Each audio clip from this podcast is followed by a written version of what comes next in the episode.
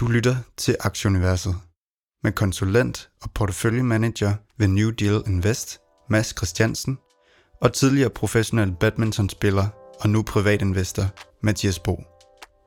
Velkommen til Aktieuniverset.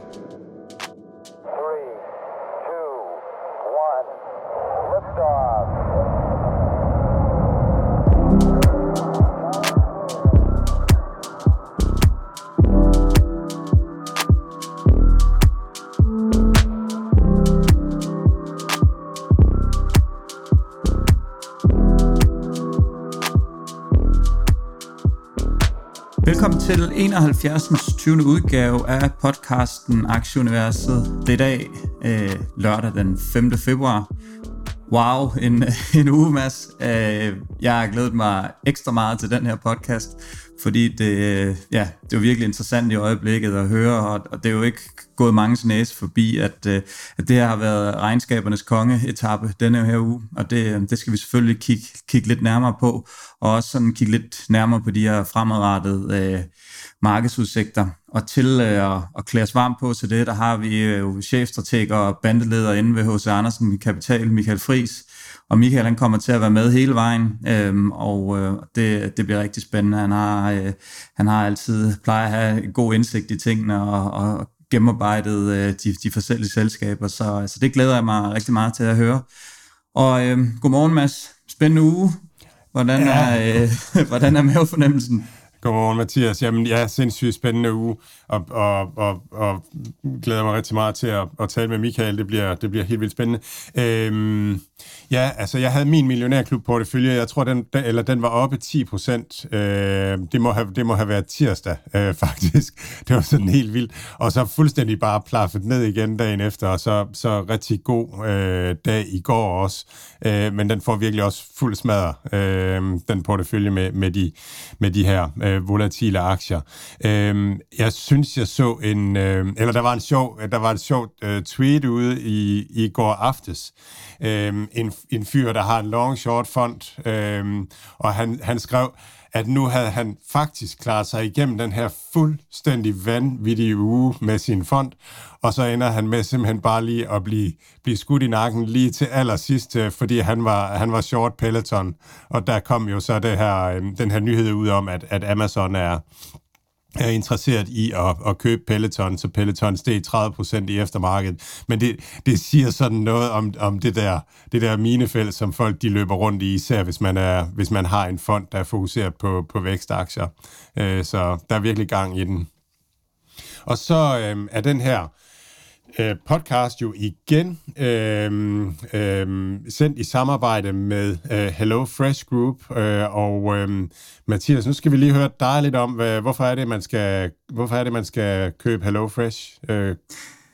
Ja, altså øh, for, for mig personligt, hvor jeg er henne i mit liv lige nu, så er det ikke sådan det, det, det ideelle for, for mig at have et Hello Fresh abonnement. Øhm, jeg er meget sjældent mere end, end 14 dage det samme sted. Øh, jeg, når jeg er i Dubai, så, så spiser jeg ud øh, seks gange om, om ugen, og, øh, og når vi er i Indien, så har vi en kok. Så, så lige pt. med det liv, jeg har, der, øh, der er det ikke optimalt med, med måltidskasser, men vil sige, jeg havde virkelig ønsket, da jeg var professionel atlet og spille badminton, at Hello Fresh øh, eksisterede.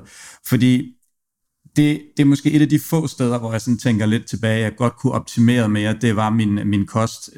Ofte så kommer man hjem helt grillet efter, efter to træninger, og madmæssigt, så det kender du nok også til, når du kommer hjem efter en lang dag på kontoret, der lige skal bækses et eller andet sammen til børnene, så bliver det meget den, den lette løsning. Og hvis jeg ikke får det her, øh, hvad hedder det nu, energi ind og, og en differentieret kost og sådan nogle ting, så, så betyder det selvfølgelig noget på, på træningen. Så havde det været der på det tidspunkt, øh, hvor jeg spillede, så ville jeg bestemt have brugt det for, for ligesom at kunne, kunne optimere de her, øh, ja, hvad hedder det nu, de her øh, få de her forskellige råvarer og, og salater og øh, grøntsager og sådan nogle ting. Og, øh, og, og det er jo det, som Hello Fresh kan. De kan hvad hedder det nu, variere maden, så man får den her sunde kost, uden at man skal, man skal stå øh, to timer i køkkenet og, og, og bakse med alt muligt, og man skal ned i supermarkedet og vælge otte forskellige øh, ingredienser til en salat og rodfrugter og alt muligt andet. Øhm, jeg synes jo generelt set, når jeg sådan rejser meget rundt i verden, at vi generelt som, som mennesker simpelthen spiser forræderligt. Vi, øh, vi, vi, vi burde passe bedre på os selv og, og købe øh, sundere mad og og tilberede sundere mad. Øhm, og, og der synes jeg simpelthen, at, at Hello Fresh øh, blandt andet er et, et super produkt til at, at putte bedre benzin på, øh, på motoren. Øhm, Mads, vi har en øh, rabatkode til dem, som, øh, som sidder derude og gerne vil, vil prøve Hello Fresh. Kan du ikke lige nævne den? Jo, nu har vi jo nemlig byttet rolle, så nu, nu eksaminerer du mig i, hvad rabatkoden er. Og rabatkoden, den er aktie. Øh, og øh, så er det sådan, at, at man får, øh, man får 30% rabat på de første to, og så får man øh, 20, 15%... Nej, nej, hvad, for, hvad får man 10, så? Man får 10% på tredje og fjerde kasse. 10% på tredje og fjerde kasse. Ja, okay. og det gælder nu, kun nye kunder, ja. Nu har jeg så, nu har jeg så kvaret mig, så nu skal jeg lige høre, om du har hørt efter, hvad jeg har sagt om Hello Fresh Group. Så øhm, kan du lige fortælle mig, hvorfor at, at Hello Fresh's produkt er mere miljørigtigt, end, øh, end når vi køber øh, varerne i supermarkedet? Altså, det håber jeg, jeg kan. Det er jo netop på grund af, at det er portionsanrettet, som man, som man har det, som man umiddelbart vil have, og man har også, så vidt jeg er orienteret, mulighed for at tilføje lidt ekstra, hvis man nu er et, et stort brød, som godt kan lide at spise en lille smule ekstra. Så, så det er netop det her med, at der er ikke, der er ikke et overdrevet madspil, øh, om, om man kan, man kan hvad hedder det nu, regulere øh, til efter, om, om man spiser lidt eller, eller meget. Ja, og så er der også madspild i supermarkederne øh, på op til 30 procent, så, så det er virkelig en, en grønnere løsning. Vi skal, øh, vi skal i gang med øh, main eventen. Vi starter lige hurtigt på, på de overordnede øh, toner. Øh, indeksen øh, S&P'en er op 1,55 for ugen, DAO op 1,05, øh, Nasdaq'en op 2,38, Øh, DAX'en i Tyskland bakker 1,75. C25 øh, er nede næsten 3%. Den 10-årige rente i USA, den, øh, den er i 1,93 nu. Nu banker vi på, på 2%, og så er øh, olien lige under 92 øh, US dollars, så der er også en, en stor stigning der.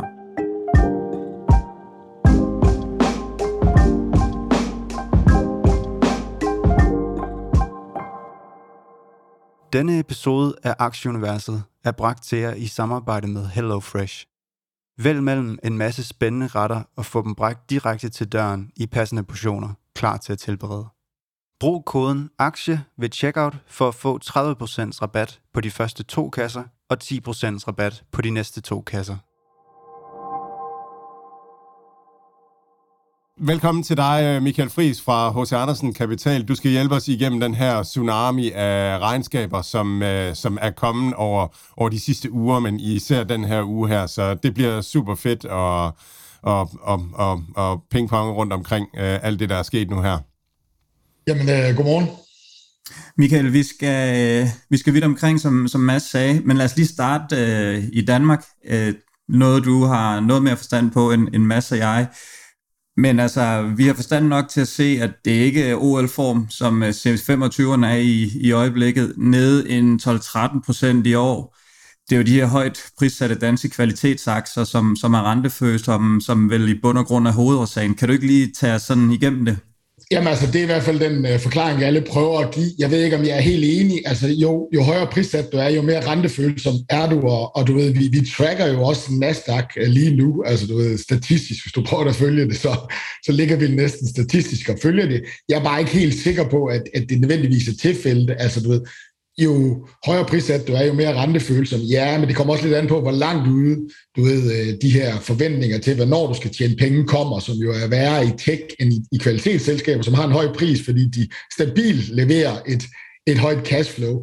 Så du ved, jeg, jeg tror også, at bare man skal se det her, så længe markedet korrigerer, så, øh, så bliver der solgt aktier ud, og især udlandet sælger, når de er på udenlandske markeder. Vi er meget ejet af udlændinge, øh, altså hvor det danske aktiemarked er jo for næsten plus 60 procent ejet af, af udlandet, og de sælger bare, og der er ikke rigtig nogen købere til at samle det op. Så du ved, det har også lidt at gøre med, at, at danske aktier er ikke en sikker havn mere i de her korrektioner, men så snart køberinteressen vender tilbage, så, så tror jeg egentlig ikke, vi er så hårdt ramt af stigende renter som, som, som andre markeder. Så det er det her med, at når, når tingene korrigerer, øh, det er selvfølgelig ikke rart, fordi det, det kan man ikke rigtig gøre noget ved. Øh, så det er, det er en af teserne. I hvert fald, hvis vi kigger på resultatsiden, så kan Michael, vi ikke rigtig... Michael, jeg bliver simpelthen lige nødt til, fordi at, at jeg er jo menneske, og vi mennesker ja. bliver simpelthen brug for en årsag til tingene. Ja. Så, nu, så nu, nu, har jeg, altså nu har jeg hele tiden læst, at det var på grund af, at de var rentefølsomme, at de falder. Og ja. så siger du, det er det ikke, de falder bare. Men så har du ikke givet mig, så har du ikke givet mig en årsag. Så du jo, jo, jeg, jeg, jeg har givet dig en årsag. Så længe, så længe der er korrektioner i markedet, så korrigerer det danske marked også i, i, i højere grad. Ikke? Altså, du ved. Hvorfor er der korrektion? Jamen, ja, det er der jo så på grund af renterne, kan du så sige.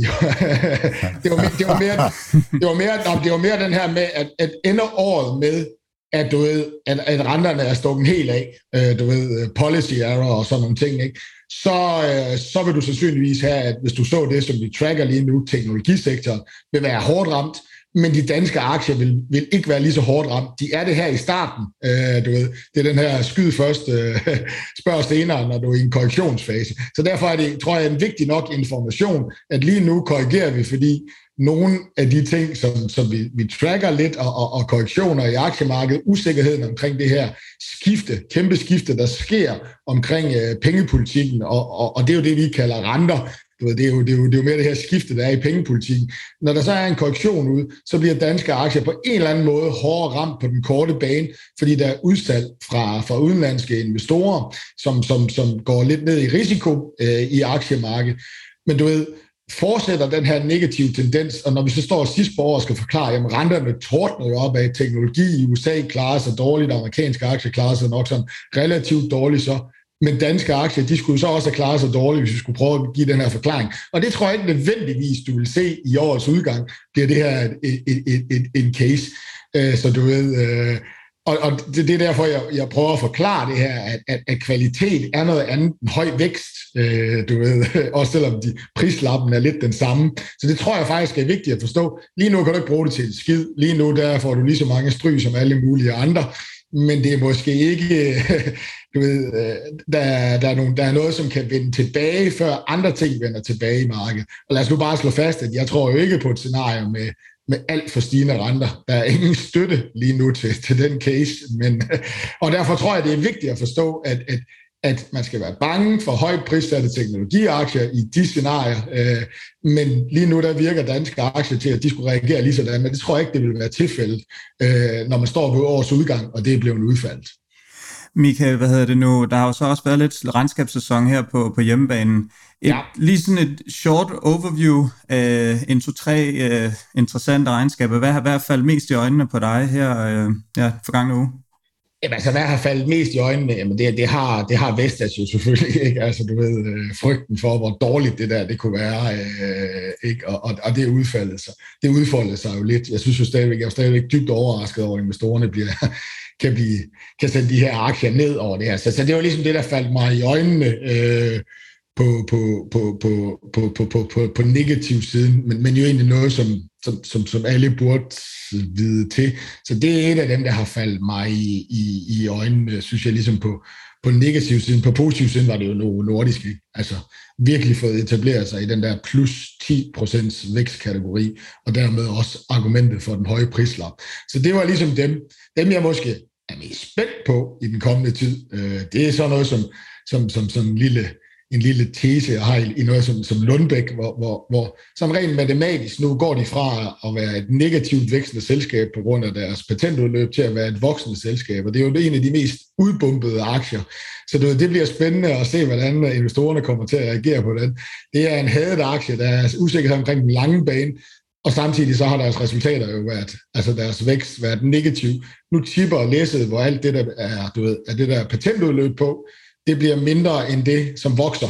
Det er første gang, jeg ved ikke, i to og et halvt år. Det bliver rigtig spændende at følge, om investorerne de har været så, være så simpelt at sige, jeg er kæmpe usikker om den lange bane, og der er negative resultater, jeg skal ikke eje det. Og hvis så resultaterne kan tippe øh, et eller andet i en udbumpet aktie, det, det er måske en af dem, jeg er mest spændt på. Og FLS er også lidt spændt på, skal jo ud af guide i et år, hvor, hvor der vil være du ved, god, sandsynligvis god efterspørgsel efter deres produkter, men jo også gå ud og, og lave en kæmpe fusion. Så den er jeg lidt spændt på, hvordan de lander deres, øh, deres guidance. Vi har fået de, de forløbige tal fra dem på regnskabssiden. Så, så det er nogle af dem, jeg sådan ser mest frem til, og, og det var måske taber og vinder i, i, i de regnskaber, vi har fået. Men overordnet set, regnskaberne er fine, de er bare ikke lige så blændende, som de har været i, i, i de tidligere sæsoner. Og det er egentlig også lidt det samme billede, jeg, jeg ser i USA. Hvordan, hvordan, har du det, hvordan har du det med Vestas? Svær uge igen, ned 6 procent. Øhm, er, er, det, er, vi snart ved at være, er vi snart ved at være dernede?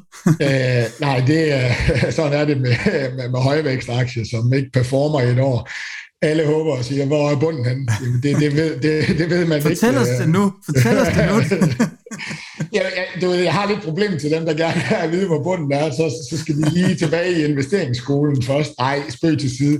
Jamen, det tror jeg sådan set, vi er. Altså, du ved, nu har vi jo stort set, vi har, vi har fået etableret det negative øh, udsigt. Øh, vi har fået, det vi ikke har fået, det er, at vi ikke har fået ro på markedet. Og hvad ligger der ud over, at nu har vi fået etableret den negative udsigt? Altså du ved, det her med, at Vester stort set ikke tjener nogen penge i 2022, og vel også stille og roligt får et svært 2023 på grund af deres ordrebog, som, som de hele tiden har vidst, de skulle have.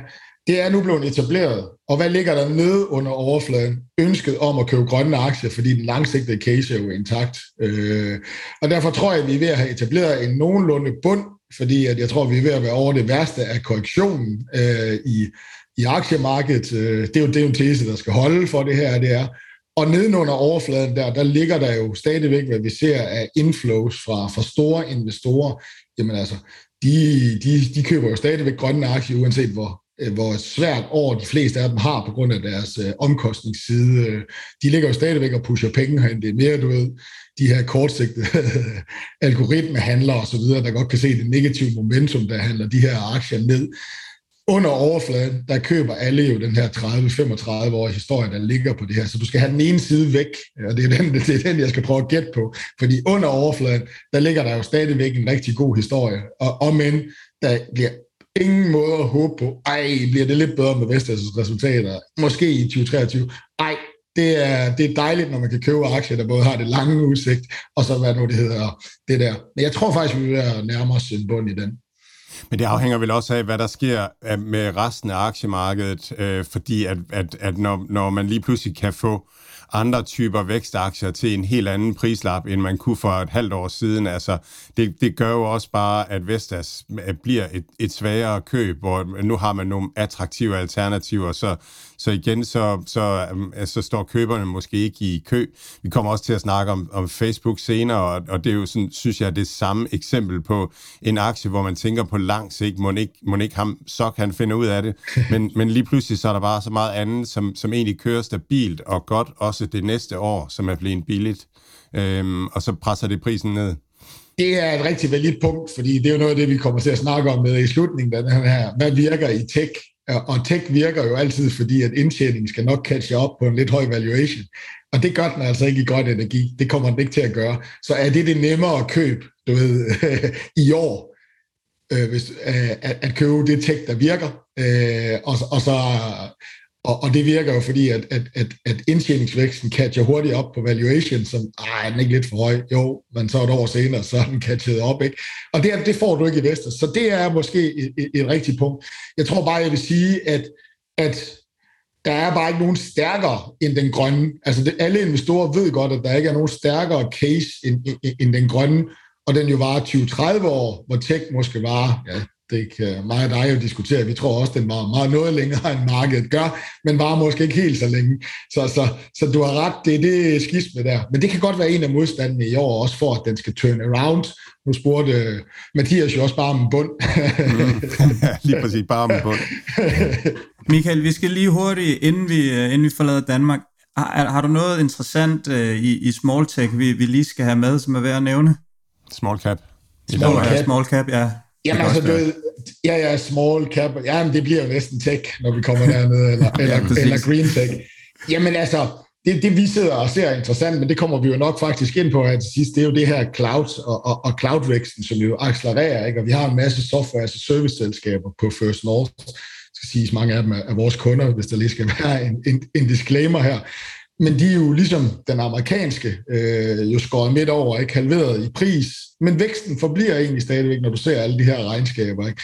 Og det er jo noget af det, vi, vi kommer måske til at snakke om, og det skal man jo aldrig sige i en podcast, så skal man sige det nu. Men det er jo det her med, at, at hvor lang tid den her vækst egentlig kan fortsætte der. Så der ligger jo faktisk en ret interessant kategori. Mange af dem har allerede pre-announced relativt gode vækstrater, har leveret på det, de egentlig tæt på det, de lovede, når de gik på. Øh, i forbindelse med, med nynoteringen, nynoteringsbølgen her i Danmark, og guider egentlig om en accelererende vækst ind i 2022. Ingen tror på det lige nu. Altså, du ved, sådan er følelsen bare. Men faktum er jo, at cloud-segmentet er måske det mest accelererende segment i, uh, i tech-sektoren. Så, så der kunne godt ligge noget, som, som folk måske burde begynde at få øjnene op for. for kan, du, kan, du nævne, kan du nævne et par navne, eller vil du helst lade være med det? Jamen altså, det, det er mange af dem, men altså, du ved, øh, Peneo, den er jo, den er jo ramt af selvfølgelig, at, at, at der skal hentes noget kapital og så videre. Order, jo, jo, vi har Maps People, de har Design Act, jamen altså, du ved, hele den space dernede, altså det er software as a service, der, der, der ligger dernede, øh, den, den, den er i min optik nynoteret, skåret midt over af en masse negative artikler øh, omkring øh, First North og nynoteringer, og, og, sådan er det jo, når pendulet svinger og så videre. Men nedenunder, øh, så, så accelererer det her cloud-segment, og de leverer jo sådan set, priserne falder, ja ja, det er som aktiemarkedets maskine der. Så det, det er egentlig dernede, jeg kigger lidt ned, når jeg skal ned og kigge i, øh, i, i small cap Danmark, fordi, eller altså i de danske small cap, som er stadigvæk et relativt begrænset felt, og så rammer du ind i, altså som private, der kan man godt, altså man skal bare huske på, at man skal have en lang tidshorisont, fordi det, der sker i, i dansk small cap, øh, det er, at når interessen ikke er der, så er likviditeten nul. Det vil sige, du kan sagtens købe nogle aktier, men du kan stort set ikke sælge dem igen. Altså, du ved, selv som privat. Altså, det er, det, det er rystende i Danmark, ikke? At, du ved, at man går fra, at der er, der er rimelig likviditet til ingenting. Så det skal man bare være opmærksom på. Der bliver du langsigtet investor med, men der er til gengæld nok også nogle muligheder i, i, i det space. Cool.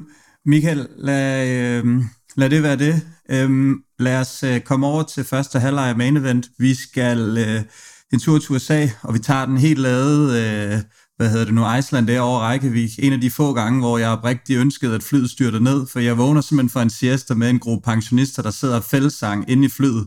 Øh, der kunne jeg ikke mit liv mere. Regnskaberne er på fuld, øh, fuld flor. Facebook, lad os, øh, lad os starte med den. Jeg, jeg ved ikke engang, hvad mit indledende spørgsmål skal være. Så, så kan, hvor, mange, hvor mange milliarder var det lige, man tabte der? ja, 200 et eller andet. Øh, Ja, altså det, det, er jo, det er jo selvfølgelig primært den her Apple-historie med, med, deres, øh, med deres produkter, som, som primært øh, præger, eller i hvert fald var med til at hive det, hive det kraftigt ned. Øh, er det, er det også sådan, du ser det? Ja, jeg ser, jeg ser den som 60 øh, jeg ser Apple og det her privacy Altså det her med, at de har rigtig svært ved at manøvrere rundt. Og så fik vi jo Snap lige efter, som viste, at de kunne godt flytte noget over på Android-systemet af deres reklamer. Altså det er jo engagement og reklamer, og meget af det her varelager kan de få ud. Ikke? Og det Facebook har nok svært ved. Så det er det der med, at vi jo nu virkelig kan trykke på vores øh, private indstillinger, og det bliver sværere for de her selskaber, indtil de kommer uden omkring det. Så er der nok casen om, omkring øh, Meta og deres investeringer der i, øh, i, i, i Facebook. Og, og så tror jeg, det er den tredje, og det, det altså her kan Mads jo sagtens komme ind og fortælle. Web 1.0, øh, internetudbyderne lavede, øh, lavede indhold, tjene pengene på det. Web 2.0, de røvhuller. Vi sidder her og laver indhold, internetudbyderne tjener penge på det. Ikke? Web 3.0, vi laver indhold, vi tjener penge på det. Og den begynder allerede at køre, den her. Der begynder at være mangel på indhold. TikTok presser den, øh, betaler meget for at få de bedste øh, YouTubere øh, over på sig. Og Facebook tror jeg, der er en case omkring, skal til at bruge mange flere penge på at skabe et indhold. Det har været den geniale forretningsmodel længe i, i sociale medier. Vi sørger for at lave alt det, der er kontroversielt, alt det, der kan pisse folk af, alt det, der kan gå ind og engage folk. Og nu vil og det ændrer sig, og den case kører også lige nu. Så der er mange problemstillinger, også nogle af dem strukturelle, og så vil jeg overlade ordet til Mads, fordi det, han er måske lidt mere ekspert. Jamen helt, helt, er helt enig i alt, hvad du siger. Altså netop det der med, at Facebooks kerneprodukt, det er jo feedet. Øh, det er det her, at man scroller ned igennem, og det er det, der giver engagementet. Og, og feedet er, er ved at blive ved at uddateret. Ikke? Vi vil have kort video nu, det er der opmærksomheden går hen, og det er svært at monetisere så, så deres kerneforretning er truet. Og så, altså hvis man skal komme op med en bull case, så er det jo, at de har haft en CEO, som har set det her ske for otte år siden, eller et eller andet, og har været i gang med at, at, at investere i strukturelt og, og komme rundt om det. Og så tænker jeg også, at at lige op til regnskabet, der, der solgte de deres DM-projekt til Silvergate, øh, en bank, der fokuserer på krypto. Og det er jo sådan ligesom håndklædet i ringen, vi får aldrig det her godkendt. Og de fik ikke, ikke lov at købe Giphy heller. Øhm, så, så det er som om, at, at de har bare en, en stiv, stiv cooling imod sig fra regulatorerne. Ikke? Også, de kan ikke købe sig til noget nyt, og de kan ikke, øhm, ja, så skal de udvikle sig til, men de står sådan ligesom alene og, og har den perfekte storm imod dem lige nu. Øhm, og så, så ved jeg ikke, jamen, så, så kan du, du nok sige noget mere om valuation, fordi at jeg, tror, jeg tror, forward PE er 17, så det er da heller ikke sådan, det er da ikke helt vildt øh, dyrt mere.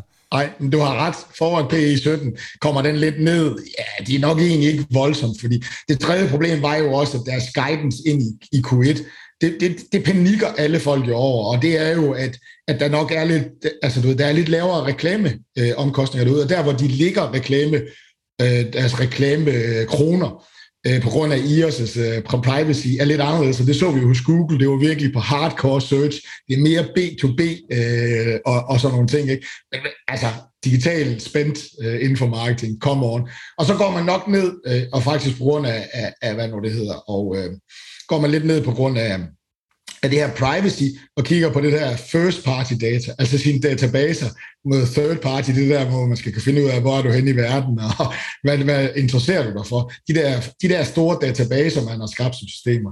Og det, det var noget, jeg sad og snakkede, det var sådan en anden lille dansk interessant aktie, Agilic, som, som lever af at, at skabe indhold og personalized indhold på de her platforme, men det er på de store databaser. Altså når Matas har samlet 1,7 millioner data, ikke? lige pludselig så bliver de her data altså mere værdifulde, fordi man kan ikke bruge de andre. Hvad hvis der sker noget over i Android? Det er ikke sikkert, men vi også begynder at få en privacy, fordi de skal konkurrere med de andre systemer. Så det er nogle af de her bevægelser. Men, men i bund og grund, så, er vi, så bliver man jo bare pisse nervøs over det her Q1. Øh, og, og og det kan jo altså, jeg tror, du ved, reklamekronerne kommer op stille og roligt efterhånden, som, som du kan sige, at, at, at coronaen virkelig dør ud. Det er måske bullcase der. Jeg er ikke enig i CEO, øh, for jeg tror faktisk, at det, ja, han skiftede fra, mobile, eller fra internet til mobile. Det lykkedes for ham. Helt usædvanligt lige efter IPO. Jeg tror ikke, han får lov jeg tror, han, jeg ved godt, han har stemmeret, men jeg tror, han er nødt til at forlade selskabet nu. Altså, du ved, jeg, jeg tror, han bliver bestyrelsesformand. Det, er, det er et kald inden alt for længe. Jeg tror ikke, hvis, hvis, der, hvis du, skal, hvis du skal have nogen til at investere i det, jeg, han er ved at blive... Øh, jeg tror ikke, investorerne tror ikke mere på ham, og det bliver jo en lidelsesfuld kamp for dig, hvis investorerne har tabt troen på ham, og at han bliver, fordi at han har altså flest stemmer. Øh, det tror jeg ikke, han udsætter selskab for. Men det er kaldet af i år, så må jeg barbere mit skæg af, eller hvad det nu er. det, det tager vi gerne. En, en af de ting, boys, I ikke lige har, har nævnt, som jeg hæftede meget ved, da jeg så det her, det var jo øh, ja, det her alfabetregnskab med Sundar Pichai, som, øh, som i den grad har, øh, ligner har, øh, ja, han minder lidt om Chong Li i Bloodsport, hvis vi skal være lidt, øh, lidt nede i, i filmhistorikken, hvor han har kastet det der pulver i øjnene på, øh, på Van Damme. De, de gør det ekstremt godt, og dem vender vi tilbage, så vi skal ikke have så meget fokus, men, men er, det ikke også, øh, er det ikke også en meget, meget farlig konkurrent i øjeblikket med Alphabet, hvad op mod Google, som, som vi hører øh, udvikler sig hele tiden, op mod YouTube og de her ting, bliver de, bliver de simpelthen ikke overhalet. Jeg, jeg har svært ved at se, hvordan Facebook skal komme tilbage fra, fra, fra den her øh, ja, som siger, magtbalance, som et eller andet sted måske er skiftet. Jamen, altså, jeg, jeg er helt sikker på, at, at, at, at det ikke lige alfabet, jeg vil nævne dem, jeg vil nævne TikTok. Altså, du ved, mm. jeg, jeg, så, jeg så et Bloomberg-program, hvor de snakkede med sådan en virksomhed, som havde omkring 1000 mennesker, der, der 1000 mennesker, der sad og rådgav store virksomheder om, hvad de skulle på de sociale medier interagere med det her. Ikke? Øh, og da han så spurgte om Facebook, så sagde hun lidt at grine. Ej, lad os nu lige snakke om TikTok. Altså, du ved, øh, det, det er TikTok. Jeg kan ikke lige huske, hvordan han ser ud. Han ser ikke lige sådan ud. Øh, ham, ham kæmperen dernede fra, men TikTok. Og, og det er jo også det, at Facebook for første gang nævnte TikTok på deres earnings call. Altså, TikTok har alt det, som Mads han sad og snakkede om. Det har det, hvor de gerne vil hen. Øh, og, og det, der driver engagement nu lige nu. Så jeg tror, det er den, der er Øh, øh, du vil sige, øh, øh, jeg vil sige Google eller Alphabet er er, bider jo også ind i den, og tre, det gør Amazon for den sags skyld også, ikke? Altså, de tager jo også markante markedsandel i det her reklamemarked, ikke? Så, så alle griber lige omkring Facebook, som lige nu vil være det sted, hvor vi alle investorerne, de siger, de har ikke det rigtige produkt til engagement. Jeg synes, det er også med reklamer, altså jeg tror meget, man skal, det, det der er sket, det er jo, at effekten af, af Facebooks reklamer er faldet. Det vil sige, de er simpelthen mindre værd nu.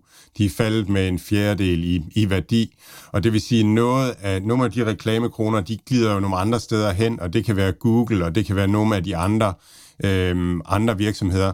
Noget, jeg synes er, er, er sådan interessant, øh, det er, om, om vi er ved at nå peak, øh, peak øh, internetreklamer øh, nu her. Om, om det ligesom, jeg ved ikke, om du har nogle tanker om, om det, Michael, fordi verden går ligesom et andet sted hen mod Google, er, er, arbejder meget med artificial intelligence og prediction og sådan nogle ting, så måske øh, går det mere til direkte commerce og, og sådan noget, ja. Ja, det gør det nok i en eller anden lille omfang. Husk nu bare på, at reklamebranchen er jo en faktor gange BNP, ikke? Altså, så du ved, det, det, det, det, der skal nok være vækst, ikke? og jeg tror stadigvæk, at, at, at du, du kigger lidt på digital ad spending, den vil stadigvæk vokse rigtig, rigtig meget. Så det, jeg tror, vi er for overnervøs på, på, på Facebook eller Meta, eller hvad vi nu skal kalde den her, omkring det element. Jeg tror bare, at investorerne, de kan simpelthen ikke købe ind, fordi at der vil være andre årsager til at ikke ligge i den her aktie, ikke på grund af, ej, de jo investeringer nu også rigtigt, de laver og så videre. Så jeg, der er noget af det, der flytter sig lidt andre steder hen, øh, men det er jo så kæmpe bevægelser, der ligger i sådan nogle reklamebudgetter, ikke?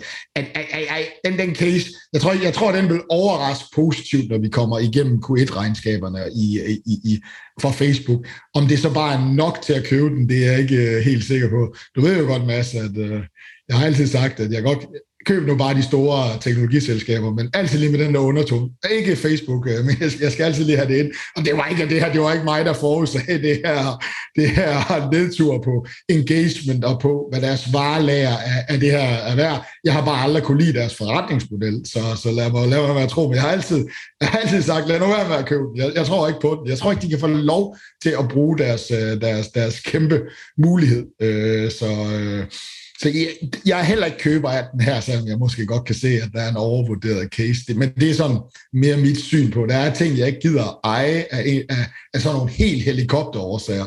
Og der er du nok lidt bedre, Mads, til at se bort for det. Mads, må jeg lige høre sammen med det her, det her niveau, der sidder, øh, ja, nu kan man tage udgangspunkt i mig selv, jeg tror, jeg har omkring minus 25 procent på, på Facebook. Du vil nok sige, der er andet, som, øh, som der er større chance for at at, at stige mere. Er det, er det der, vi er? Er der risk-reward bet til stede, eller, eller er det stadigvæk, øh, ja, det, det er nok, øh, det, det, det bliver simpelthen for svært lige her på den, på den korte bane inden for de næste en til to år, indtil de, de finder en ny strategi. Altså jeg hæfter mig jo også stadigvæk ved, at den app, jeg bruger suveræn mest, jeg ved godt, den ikke er så stor i Danmark, men der er virkelig mange steder, hvor den er stor. Det er WhatsApp, øh, i USA, i Indien, øh, er i Indonesien, i store dele af Sydøstasien, der, der er det en af de mest brugte apps er der noget at hente her, eller er det bare, ja, er det bare ud? Ja, jeg, jeg synes, øh, hvis, hvis, hvis, hvis de øvrige aktier havde været på prissætningsniveau, som de var i sommers eller et eller andet, så tror jeg, at, at jeg vil sige, at Facebook var et, var et, et okay køb. Jeg synes, øhm, nu, nu skal de, øhm, de øh, Q1 og Q2 i 2021 var uden påvirkning fra den her IDFA-ændring, så som Michael var inde på, så så kommer, så kommer der nogle hårde kvartaler at sammenligne sig med øh, her. Og så kommer vi ind i Q3, hvor IDFA var begyndt at slå ind og sådan noget, og så, så kommer væksten nok tilbage til det samme, og jeg, jeg er også enig med Michael i, at, at det er nok sådan for hurtigt at kalde peak uh, ads uh, internet. Så, og deres kerneforretning er ret stærk, har en, en marginal på 49 procent og sådan nogle ting, så de skal nok tjene penge, og de kan investere. Og, og jeg har det sådan i forhold til Snapchat for eksempel, der skal man stadigvæk lige huske, at, at de går lidt efter det samme og blive det her metaverse øh, ting, hvor man kan virtual reality og, og, og avatar, man kan prøve sine Louis Vuitton-sko og sådan nogle ting. Øh, jeg tror, Snapchat har en, en market cap på 55 milliarder, eller sådan et eller andet. Facebook, de, de, de bruger 10 milliarder om året i øh, R&D på, på lignagtigt det her. Så, så jeg tror, jeg tror stadigvæk, at Facebook er sådan et, et, en, en okay ting. Jeg synes bare, der er andet lige nu, som er kommet ned i prisleje, hvor, hvor det er mere interessant, og det er noget af det, som vi også kommer til at tale om senere. Det skal man aldrig sige i en podcast, men, men, men det kommer vi til. Ja. Øh, Michael, har, har du mere, du vil omkring med Facebook? Fordi vi nej, tids, ja, tidsplanen, den, den sejler ja, den, allerede. Den sejler allerede. Ja, nej, det er det ikke. Og det er det der med, gider du at ligge med noget udfordrende på den lange bane, når der er så meget andet, som måske virker? Altså, det, det, det, det tror jeg, det er det, man skal gøre op med sig selv. Det, øh, det lader vi være ordene omkring Facebook, og hvad der er, så er, at vi heller vil have. Det håber vi lige vil nå tilbage til senere. Øhm, jeg vil gerne lige tale lidt om uh, Amazon, Øh, de kom jo også, og øh, ja, selve regnskabet, det var det vel ikke øh, sådan, altså, det var, det var vel ikke out of the ballpark, udover den her Rivian-investering, så det viser sig måske at være gode aktieinvestorer, bedre til at, end, end at sælge pølsehorn online. Øh, supply chain problemer og staff shortage, selvom de har prøvet at indføre de her lønpakker og bedre forhold for deres, øh, deres øh, hvad hedder det nu, ansatte. Deres webservice er som, som øh, ja, i de andre kvartaler deres, deres største cash cow. Hvordan, hvordan så du det regnskab, Michael? Jamen to ting. du nævnte det til sidst. AVS webservice udgør vel nu 75 procent af værdien i det her selskab, accelererer Altså ved, højeste vækst siden 2019. Og det er jo det samme, når vi nu kommer til at sige, hvad der virker. Cloud. Ja. Øh, så det køber du ind i. To, pricing power. Du ved, vi sidder og snakker om høj inflation, renter, uh, vi skal ikke eje teknologi, øh, du skal eje pricing power selskaber. Selskaber, der kan hæve prisen, fordi de har en god markedsposition. Men husk nu ikke at eje tech, men eje virksomhed med pricing power. Jamen, tech er den sektor med best pricing power, og det er det, de er ude at vise. Nu skal de lige vise, at når de hæver deres Prime membership, som jo er direkte ned på bundlinjen, ikke? der bare fræser lige derned, ikke? der er ingen, der er ingenting, der, der, som skal kompensere for det her. Og det har man jo givet dem benefit of the doubt, fordi næste kvartals guidance, den var godt nok til den bløde side. Selve, selv regnskabet var ikke rigtig noget, så det var AVS, Web Service, Cloud, som jo igen shiner, øh, som også er den, man køber Microsoft på, den man køber, du ved, øh, øh, øh, øh, Apple, eller, eller, eller, eller undskyld ikke Apple, øh, Google på. Så det, det, det er det, man køber det på, og derfor er der køb ind. Plus det her pricing power, det her paradoks, jeg har sagt, hey, du skal kigge på pricing power i år med inflationært pres og renter, og, og, og pas nu på tech, ikke? Nej, tech har den største pricing power af alle. Og de to ting løftede selskabet ud af skoven endnu, problematiske øh, fortsatte kvartaler på de ting, du nævner der, absolut, og måske på det der på den her med, at det er rigtig svært at skaffe medarbejdere, og priserne eksploderer ude i deres, øh, ude i deres distributionsled lige nu for at få det. ikke. Øh, og det er jo det der med, at man snakker jo om, at man snakker jo ikke længere om, øh, om lagermedarbejdere, man snakker om lageratleter. Så det kan være, Mathias, at det går helt galt, så derude, de skal simpelthen arbejde og knokle så hårdt, at de skal være, de skal være professionelle sportsfolk. Altså, det kan ikke blive ved med at gå den måde, de gør det på.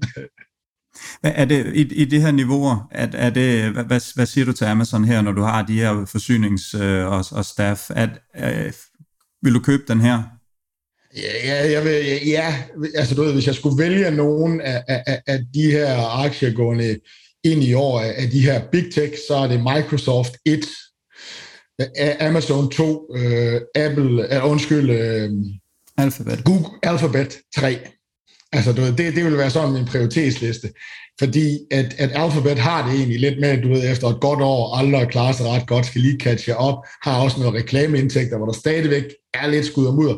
Microsoft, det er bare maskinen på, på cloud. Øh, Øh, og Amazon, ej, jeg tror også, vi kommer til at se, at, at, at, at efter en bølge, hvor vi nu har genåbnet verden lidt, så vender vi tilbage til den verden, vi lærte, der var rigtig rar, og de har pricing power. Så det vil være, det vil være sådan lidt prioriteterne lige nu, men, men det er alle tre selskaber, som jeg er rimelig rolig ved at eje og købe, på grund af deres øh, cloud-division og deres cloud-virksomhed. En anden ting, man også, øh, man også måske glemmer lidt lige nu, øh, i den her snak om inflation og, og, og sådan nogle ting, og mandskabsmangel, det er netop, at, at det her med at bygge sådan en, en logistikvirksomhed, det er mega svært, og det er mega dyrt i øjeblikket, og de lider derude, de andre konkurrenter og sådan nogle ting. Og det ser vi jo bare altid, at når der har været en svær periode, jamen, så er det de største og de, de stærkeste, der kommer kommer godt ud af det. Og det, det er sådan, når, hvis man ser langsigtet på Amazon, så er det nogle fantastiske voldgrave, de har i, i og med deres øhm, øhm, øhm, fulfillment by Amazon, hele deres distributionsnetværk, som giver en voldgrav, det bliver så svært at, at konkurrere med øh, fremadrettet.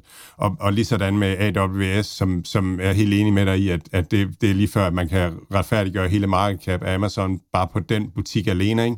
Og, men men, men det er også en butik, som man ikke lige kan åbne en konkurrence. Altså man kan ikke lige sige, nu vil jeg konkurrere med det.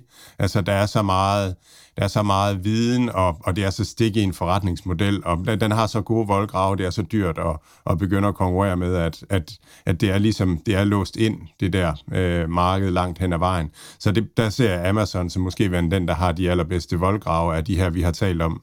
Jeg er enig, enig om 70-75% til AVS valuation, øh, 10, 15, 20 procent, måske 25 procent, så er vi på 100, ikke? Til deres, øh, til deres distributionsnetværk.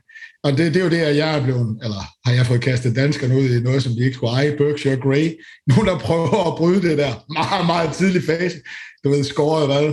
85 procent ned fra toppen, ikke? laver de her robotter, der jo skal, der skal sådan set fikse det her problem, vi har i den sidste del af den her forsyningskæde. Det, som Amazon jo har med 200.000 robotter, da de købte Kiva tilbage i 2012. Det her, jeg tror, der ligger 25 procent, og så tror jeg da egentlig også, der bør ligge noget valuation til at have verdens største e-handelsvirksomhed, men det er så den, jeg sætter til 0 her. Ikke? Så det er, det er lidt mit, øh, mit syn på den, så jeg er fuldstændig enig. Øh, grunden til, at jeg tager Microsoft, det er, at jeg vil godt ligge lidt trygt i et år. Altså det bliver stadigvæk et, et volatilt år for, for tech og tankerne omkring øh, de her. Og der vil jeg bare ligge med det, der bare performer, tjørner og har accelererende vækst. Ikke? Øh. Mm. Øh, Michael, jeg bliver, jeg, bliver nødt til at spørge, du, nu nævner du ikke uh, Apple her. De, ja. de præsenterede jo også et fantastisk regnskab, og, og viser sig også bare som Apple-stil, bare knuse hele vejen igennem. Men du har ikke den med, fordi nu er der jo mere, der er over at sige, at det er en, det er mere over en, en, en cyklisk aktie efterhånden, men, men altså, lad, den er stadigvæk i, ja, det er jeg heller ikke helt enig i, men den er jo så trods alt stadigvæk i en af de her fangaktier. Hvordan ser du den? Den er, du ikke, den er ikke på din top 3?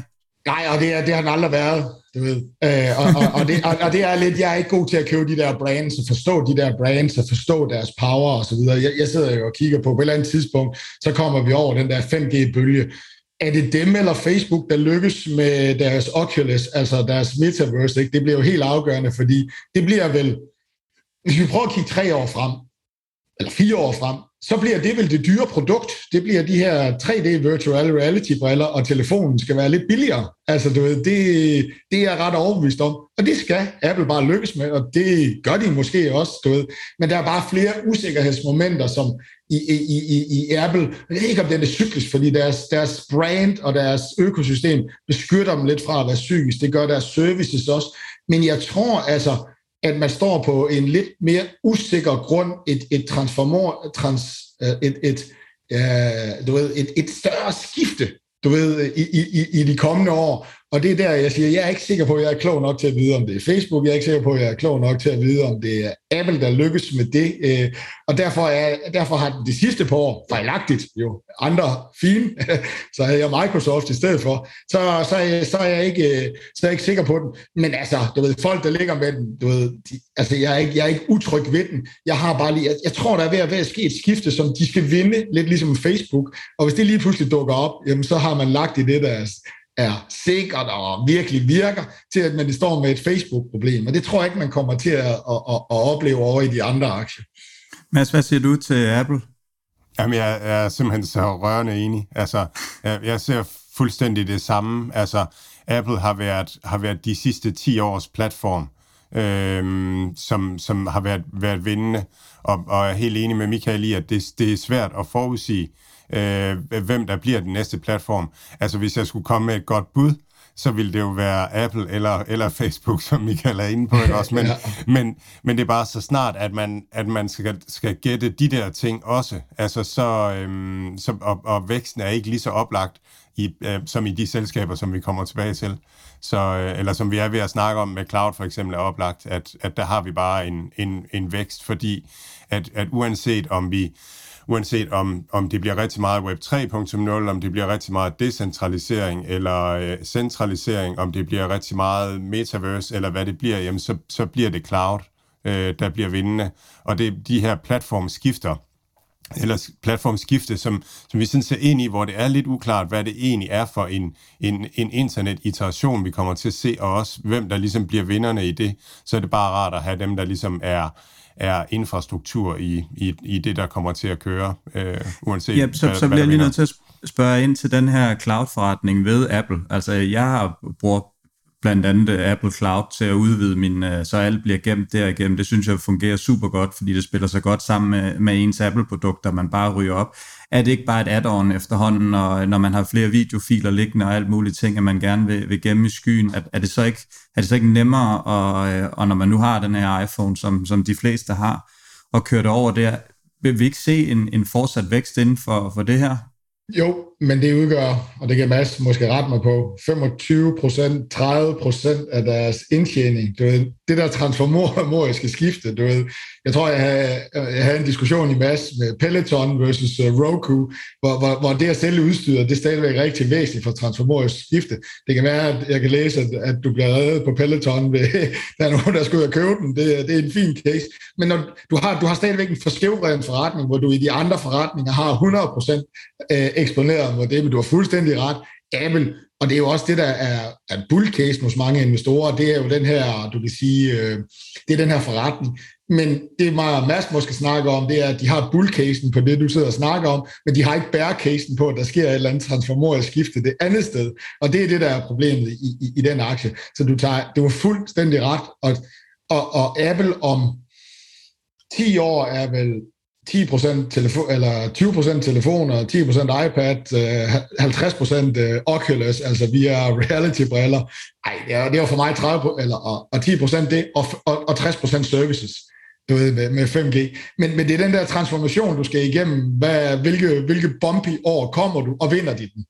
Øh... Ja, ja, jeg tror rigtig meget, man skal se på, hvad der er applikationen, og hvad der er, er infrastrukturen nedenunder applikationen er sådan designet øh, den måde, vi, vi oplever det som forbruger på. Og lige nu er, er iPhone også sådan en, en applikation, den måde, vi oplever det på. Men, men, øh, men, men, men det kan hurtigt skifte. Det kan hurtigt ændre sig i tiden, som Michael taler om. Så bliver det brillen, der bliver det, bliver det vigtige. Øhm, og, og lige sådan, når vi kommer ned, altså Facebook er på en eller anden måde også en applikation. Det er den måde, vi interagerer med nettet på, og det, lige nu er det sikrere og, og gå lidt efter det nedenunder, øh, langt hen ad vejen. Og så til, altså lige til det der med, øh, med Peloton.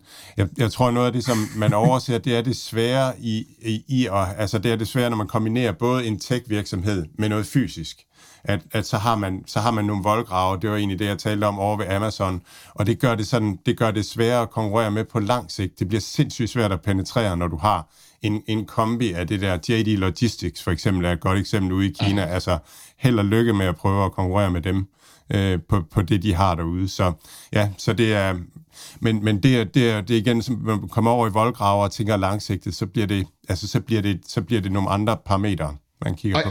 Og jeg er også enig, det kræver bare, at man formår, og det er jo der, hvor Apple har været så stærk. Det er jo det eneste mm. selskab, der har formået at få en plus trillion, plus to trillion markedsværdi og lave, og lave hardware. Alle andre, der har prøvet at kombinere de der to ting, på et eller andet tidspunkt i, i deres livsforløb, så har de jo stået på den der brændende platform, hvor de ikke er gode til at lave hardware. Det har Apple jo bare undgået, ikke? Altså, du ved, og gør det da sandsynligvis også i fremtiden. Det, så det er mere det der med, jeg fortæller ikke nogen, at de skal stryge og sælge deres Apple eller deres Facebook. Jeg siger bare, at jeg tror, der er nogle ting, der er nemmere og mere sikre at investere i. Øh, og det, det er der, jeg ligger mig. Alt, hvad Mads, Mathias og deres gæster siger, er deres egne meninger. Det er ikke finansiel rådgivning. Denne podcast er udelukkende ment som information og skal ikke bruges til at lave beslutninger om investeringer. Mads, Mathias og kunder i New Deal Invest kan have positioner i de virksomheder, der tales om i podcasten. Vi skal lige hurtigt forbi Alphabet regnskab også, fordi de sendte den jo helt ud af stadion. Øh, fantastisk regnskab, som, øh, som nærmest over både på top og bund og over hele linjen slog, øh, ja, slog forventningerne. De annoncerer det her aktiesplit, som giver meget god mening i og med, at det er en rigtig, øh, en rigtig dyr aktie. 1-20 bliver den nye, øh, bliver det her split. Hvordan, øh, hvad siger du til det, Michael? Jamen altså, det, jamen, jamen, det var rigtig, rigtig stærkt. Altså, du ved, men, men lad os nu lade være med under overfladen. Ikke? Altså, nogle af de Facebook-problemer over på YouTube er, er jo også begyndt at dukke op derovre. Ikke? Altså, du ved, øh, men de har bare den her søgemaskine. Det er bare, det vender man bare tilbage til i uanset alt. Det er så effektivt et værktøj til at reklamere på. Ikke? Altså, du ved, og med alle de andre problemer derude, så er det sgu nok også noget, som du ved, øh, Øh, der ryger rigtig mange penge til i Q1 og Q2, øh, så det er et. Øh, to, så, øh, så kan man sige deres cloud-forretning, som, som jo bider, du ved, også vokser rigtig, rigtig stærkt. Øh, og de er jo ret dygtige til det her, ikke? Altså, du ved, Microsoft, øh, sikkert to øh, efter AWS, altså Amazon, eller Gud, men, men Alphabet gør det rigtig, rigtig, rigtig godt der. Så det er en aktie, jeg tror, jeg vil være relativt tryg ved at ligge med. Grunden til, at træer på min liste, det er bare, du kan gå tilbage i historien. Super år, flat år, super år, flat år, super år, flat år.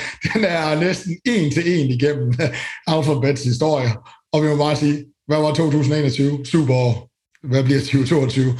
Det er i gang imellem, så må man godt være lidt, lidt simpel, ikke? Øh, men på den lange bane, tror jeg er rigtig, rigtig, rigtig, rigtig, rigtig stærk øh, øh, øh om med nogen. Altså det her søge og det her værktøj i, øh, i, i digital ads, som kommer til at, at, at vokse, det kan godt være, at TikTok og Facebook og alle de andre, de finder på nogle smarte ting. Nede under overfladen, der er det bare et sindssygt effektivt værktøj. Michael, hvis man sådan ser på øh, alternativ til at søge, så er det jo, at, at TikTok forudser, hvad man, hvad man gerne vil have. Altså, så er, det, så er det machine learning og artificial intelligence. Og det arbejder Google også rigtig meget på, og det, det, det er jo ligesom deres, hvad skal man sige, deres vej frem i den, i den næste øh, internetfase. Og sådan, hvordan ser du Google som, som lang, på lang sigt? Jamen altså, du ved, jeg, jeg kan jo ikke se, at der er nogen, der bliver bedre til, til, til det her. Altså, du ved, jeg synes jo bare, at har de ikke i, har de ikke i 15 år vist, uanset hvad indgangen, som du selv siger, applikationen ind i internettet, så ligger de nede på en eller anden måde bare har en sindssygt god basisforretning der. Altså du ved, vi kan diskutere det, og, og, og, og de har den, den evne til, som du selv siger, at forudsige, hvad det egentlig er, jeg vil søge. Ikke? Øh, den, den evne har de jo også til at, at, at, at, at transformere sig til. Så du ved, TikTok, hvis de kommer med den, øh, jamen så bliver de mere attraktive over for, for en, en Facebook over for, øh, for, for, for dem, der skal reklamere, fordi at, at du bliver naturligt øh, kommet derind. Så, men, men, men, men, men at tro, at det, at, at det eliminerer du ved, den forretning, som egentlig har virket næsten uanset, hvad der har været portalen ind i vores internetverden. Jeg tror det ikke, men du ved, der er, du har ret, øh, og det er også derfor, at den model ligger som nummer tre. Altså, du ved, der er ting, der er ved at ske som nogle seismiske skift, ikke? Og så vender vi bare tilbage til den store Microsoft, den der maskine, du ved, der bare er B2B, uh, øh, Cloud, uh, Amazon som nummer to, ikke? Altså, der er ved at ske nogle seismiske skifte derude. De har bare infrastrukturen, der ligger helt, helt nedenunder, ikke? Altså, og det, jeg tror, mange bliver overrasket over, for nu at vi har to søkabler ind med data ind i Danmark, ikke? Øh, det ene ejer heldigvis vores teleselskab, men det er ret, det, der kommer ikke ret meget uh, kapacitet igennem den. Og så har, vi, så har der blevet lagt et nyt kabel. Hvem ejer den? Det gør Amazon, det gør, det gør Microsoft, og det gør Alphabet. Altså, det der med, at den, de her voldgrave, de er ved at bygge op på infrastruktur, og stadigvæk kan holde de her sindssyge høje marginer i cloud, og en cloud, som jo stadigvæk har en, en landingsbane, der simpelthen er så bred. Hvad har vi? 15% af, af software. Nogen siger 20. Alt skal på cloud. Så der er 80%, der stadigvæk skal laves til cloud. Øh, vi har sindssygt høje marginer allerede. Vi har dem allerede beskyttet via at infrastruktur, de investeringer, der er ingen, der nogensinde kan komme op og, og, og, og, og, og køre på. Og så er der nogle bull cases, og det er jo her, hvor hvor man siger, at når man skal skifte den gamle softwareverden med den nye, så er det en faktor 2 faktisk, fordi at kodning, at er det 10 milliarder kodelinjer, der skal, der, der, der skal ændres osv. Hvis man regner det den vej, så er det faktisk en faktor 2, når man skal over i clouden. Den er så bare så mere omkostningsbesparende fremadrettet. så nu tror jeg allerede, nu behøver vi ikke at sige længere, hvad vi har sagt, hvad vi gerne vil have, og hvorfor vi gerne vil have det. Cloud. Jeg, jeg så også øh, et interview, nu er jeg selvfølgelig også lidt bias, fordi jeg er halvinder, men, øh, men vores, øh, vores kære ven øh, Sunder der, hvor, hvor han havde et interview med en eller anden, hvor fik spørgsmålet, jamen hvordan, hvad, hvad, er, hvad er jeres kommende cash cow? Hvad, hvad er det, I ser? Og, og der forventede de egentlig et eller andet helt vanvittigt svar med, at de har opfundet et eller andet, så vi kunne rejse til Mars eller et eller andet. Og så sagde han bare, jamen vores cash cow og det produkt, det er vores Google, det er vores YouTube. Fordi det er så langt fra udviklet endnu. Hvis du går ind og trykker en, en søgning, så er den meget forskellig for min søgning, og, der, og alt det her øh, opdatering, hvad du, hvilke resultater du gerne vil have, og hvad jeg gerne vil have, om du bare gerne vil have tallene, det er, det, vi, vi, vi, er, vi er kun lige skrabet i overfladen i forhold til, hvor effektivt det her kan være. Og hvis de kan formå at udvikle det her, det er jo så spørgsmålet, om de kan det, men hvis de kan forstå, formå at udmygge det her, så er Google jo altså en, øh, ja, altså, så er det kun 1% udviklet indtil videre i forhold til, til det. Det synes jeg var super interessant, at han, øh, han sagde det. Ej, det skal jo også nævnes, at alt, der ligger nede i deres uh, LabX, uh, du ved, solsejl, altså, altså, det har jo ikke været særlig godt uh, i, uh, mm. i Erdogan. De har jo også Waymo, ikke? men altså, selvkørende biler, altså, det er vel Tesla-casen, uden at jeg sidder her og siger, at man skal købe aktien, uh, og, og så videre. Så jeg forstår jo godt, han siger det, men du har fuldstændig ret. Jamen, passer YouTube ikke til Web3? Jo, det er bare et spørgsmål om, hvor meget af indtægten, hvor den skal ligge hen, men jeg tror, den passer bedre end andre ting. Så jo, de, det er, det er, det er det der med, at der er stadigvæk så meget ekstra at komme efter på de der to maskiner, de har på den lange bane. Og så lige et fun fact, altså bare for at, at illustrere størrelsesordenen her, så, så havde YouTube øh, højere, øh, højere øh, toplinje, end øh, Netflix havde i, i det her kvartal. Øh, det var anden kvartal, øh, hvor de havde det. Det var også Q4 øh, sidste år. Øh, men man kan bare se, at YouTube trækker fra Netflix. Det er fuldstændig vanvittigt, og, og så, så er det en, en, en mindre forretning i den der store virksomhed der, så det, det er så sjovt at tænke på. Og, og så tror jeg vel, YouTube er vel nogle af de første, der anerkendt det her med, at indhold, det er, det, det er ikke gratis. Altså, ved, de har vel været relativt gode til at, at, at også betale uh, YouTube. Uh, altså, så de har bevæget sig allerede i den der Web3-verden, hvor altså, det er, det, det er ikke, vi kan ikke tjene alle pengene, dem der laver indhold. Altså, du ved, jeg, jeg så en, der sad og, og snakkede netop omkring Facebook, og, og, og de siger bare, at de der gode indholdsleverandører, specielt på videosiden, der er for lidt af dem. Altså, du ved, der er masser af engagement med dem, men der, de kan ikke få nok af dem. Altså, de, de kommer til at compete omkring dem, ikke? Altså, du ved, øh, i den kommende tid. Så det kan I jo tænke lidt over, Mathias og Mads. De skal bare på video-elementet, men, men, men det skal ikke lige være den her lange, vi laver her. Jamen, især når du er med, Michael, fordi at, at, at I lytter, I kan ikke se, hvor meget Michael han, han sådan viser med armene og, og, og, og, om de her aktier her. Jeg ved ikke helt, hvad det er, du prøver at kommunikere, Michael, men det er fedt at se på. Så vi ville helt klart øh, kunne sælge en masse reklamer på den her video. Ja, ja det er det. Men øh, det er... inden, inden vi lige lader lad, lad fange, hvad hedder det nu, hvile helt, så viser det sig jo Netflix og, og Facebook er bumpet helt. Amazon, uh, Alphabet og, og Apple har klaret det rigtig godt, og der klarer sig igennem på, på ja, hostle så videre, kan man sige, i, i forhold til nogle af de ting, vi har nævnt. I er lidt inde på det selv. I synes måske, der er, der er bedre køb derude. Uh, de her 30, 30% vækst, som vi har talt om, øh, specielt øh, her, her i programmet, over de næste 5-7 år, er vi ikke efterhånden ved at være der, at, at det virker lidt urealistisk. Øhm, Facebook, øh, Netflix specielt, skal de vækste 30% hen over de næste 5 år. Det virker for mig meget, meget svært, og det gør det jo også for de andre, som, som vi har været inde på. Vi, jeg ved ikke lige, om vi vil kommentere på det, eller, jo, eller vi, vi, vi, vi, vi, vi vil over i, i, i spørgsmålet, hvad er det så, vi skal kigge efter, i stedet for nu er med på, at vi snakker det her small tech, og, og det her, der er blevet banket tilbage, men det kunne måske være rart at, at, at lige få en kommentar på det det er jo det, er jo det her med, at, det er det her med at, at jeg tror, hvis du tager cloud-divisionen så, og, og ting, der accelererer anden kvartal ud af en, ud af en, ud af en, af en covid-19, altså at det er et færd, at, at der ikke er de her høje vækstrater, og de ikke kan holde dem på den lange bane. Og prøv at gå tilbage og se cloud-væksten over de sidste 15 år. Og, og det er så dyrt, når man skruer ned for, for en, en, en, en, en vækstforventning, at ej, det kan man ikke mere end fem år ude. Og det er her, jeg tror, de tager fejl, og det er her, den store værdiskabelse derfor ligger for dig som langsigtet aktionær endnu større grad ned nogle af de små cloud-virksomheder, øh, som jo er helt skåret midt over, hvor folk virkelig ikke tror på det. Og man skal huske på, hvorfor er det her så dyrt? Jamen vækstforventninger, det er jo det, der driver volatilitet. Altså ellers så kan du lige så godt eje en obligation. Og halverer du en vækstforventning, så tænker man, så skal aktiekursen halveres. Nej, det skal den ikke. Fordi det der er så vidunderligt i, i, i aktiemarkedet, det er jo renters regning, compounding-effekten. I kan selv gå ind og, folk kan lige tage en lommeregner og sige, hvis jeg nu siger 20% vækst, til en virksomhed i 10 år, hvilket er enormt hårdt at holde det, hvor meget de så lander på. Så prøv at halvere den. Jeg kan love dig for, at det er ikke halvdelen kun. Det er meget, meget dyrere. Og det er jo derfor, at du ser en enorm volatilitet i de her vækstaktier. Det er jo, altså når vækstforventningerne bare, de gør det. Og her er, her er det, jeg tror, de tager fejl inden for cloud. De kan holde de her sindssyge høje vækstrater på sigt.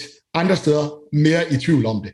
Og derfor er svaret her det, og så cybersecurity der ser vi faktisk også med Fortinet, det første regnskab, at de holder de her meget, meget høje vækstrater og guider dem ind i, i, i 2020. Så det er der, jeg vil sige, at folk skal kigge hen. Så kan de vælge mindre selskaber, hvor vækstraterne er virkelig skåret over, og priserne er rigtig skåret over, og være.